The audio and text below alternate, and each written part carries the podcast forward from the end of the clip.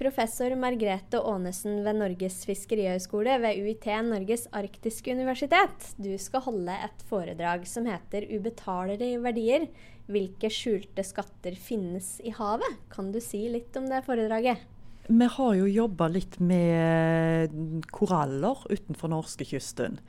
Dette er kaldtvannskoraller og må ikke forveksles med de tropiske korallene som en finner utenfor Australia og i Karibien. Eh, men våre koraller vokser på mye større dyp og ikke, har ikke de samme fargene som, eh, som disse tropiske korallene. Men vi har jobba litt med folk, hva folk vet om koraller, og, og hva det er verdt for folk å ta vare på disse litt ukjente eh, korallene, norske korallene. Folk i Norge har levd av ressursene i havet i uminnelige tider. Og fortsatt er store deler av vår velstand bygget på fornybare og ikke-fornybare ressurser som vi henter fra havet. Alle er kjent med oljen og fisken. Men noen færre kjenner til forsøkene på å hente ut energi fra bølgene og tidevannet og enda færre vet om de store korallrevene som befinner seg langs store deler av norskekysten.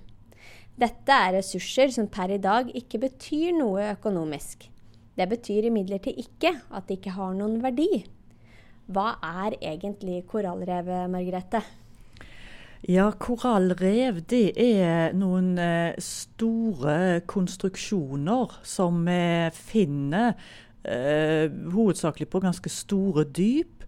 Og ofte i, eh, i bratte skråninger langs norskekysten. Det er funnet koraller helt fra eh, Rogaland i sør og opp til og med Finnmark i nord. Så langs hele veien finner vi disse konstruksjonene. Og, og det er små dyr som eh, bygger seg oppover. Og når de dør, så forsvinner det ikke, men det blir stående der som sånne kalkkonstruksjoner.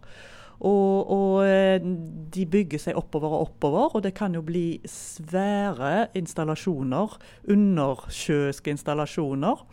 Eh, F.eks. det verdens største kaldtvannskorallrev, som er Røstrevet. Det er 35 km langt og 3 km bredt. Og det har et flatinnhold på 100 kvadratkilometer. Så dette er svære greier. Hvis vi prøver å spå litt inn i framtida, hva er det korallrevet kan bety? Ja, allerede i dag så har det jo betydning, fordi vi observerer at det er mye fisk eh, på og rundt korallrevene. Altså de bruker korallrev som et habitat for uh, å gjemme seg, for å finne mat. Og um, vi vet jo at dess bedre oppvekstvilkår, iallfall de kommersielle fiskesortene har, dess mer blir det av de, og dess mer kan vi fange av kommersiell fisk i neste omgang. Hvorfor burde man besøke Lørdagsuniversitetet på Kulturhuset denne lørdagen? Spørsmålet er jo hvordan tar vi vare på disse korallrevene? Hva, hva, kan vi gjøre for å sørge for at de ikke blir ødelagt? For de har blitt ødelagt i, i stor grad langs norskekysten ved at eh, en har drevet bunntråling, som, som, ganske enkelt knuser koraller.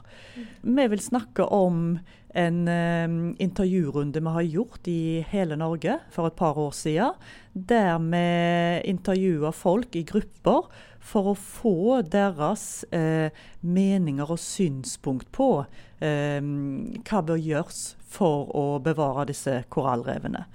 Og vi lagde et såkalt valgeksperiment med de. Og resultatene av det kommer jeg til å presentere på, på Lørdagsuniversitetet. Det blir spennende. Jeg håper det.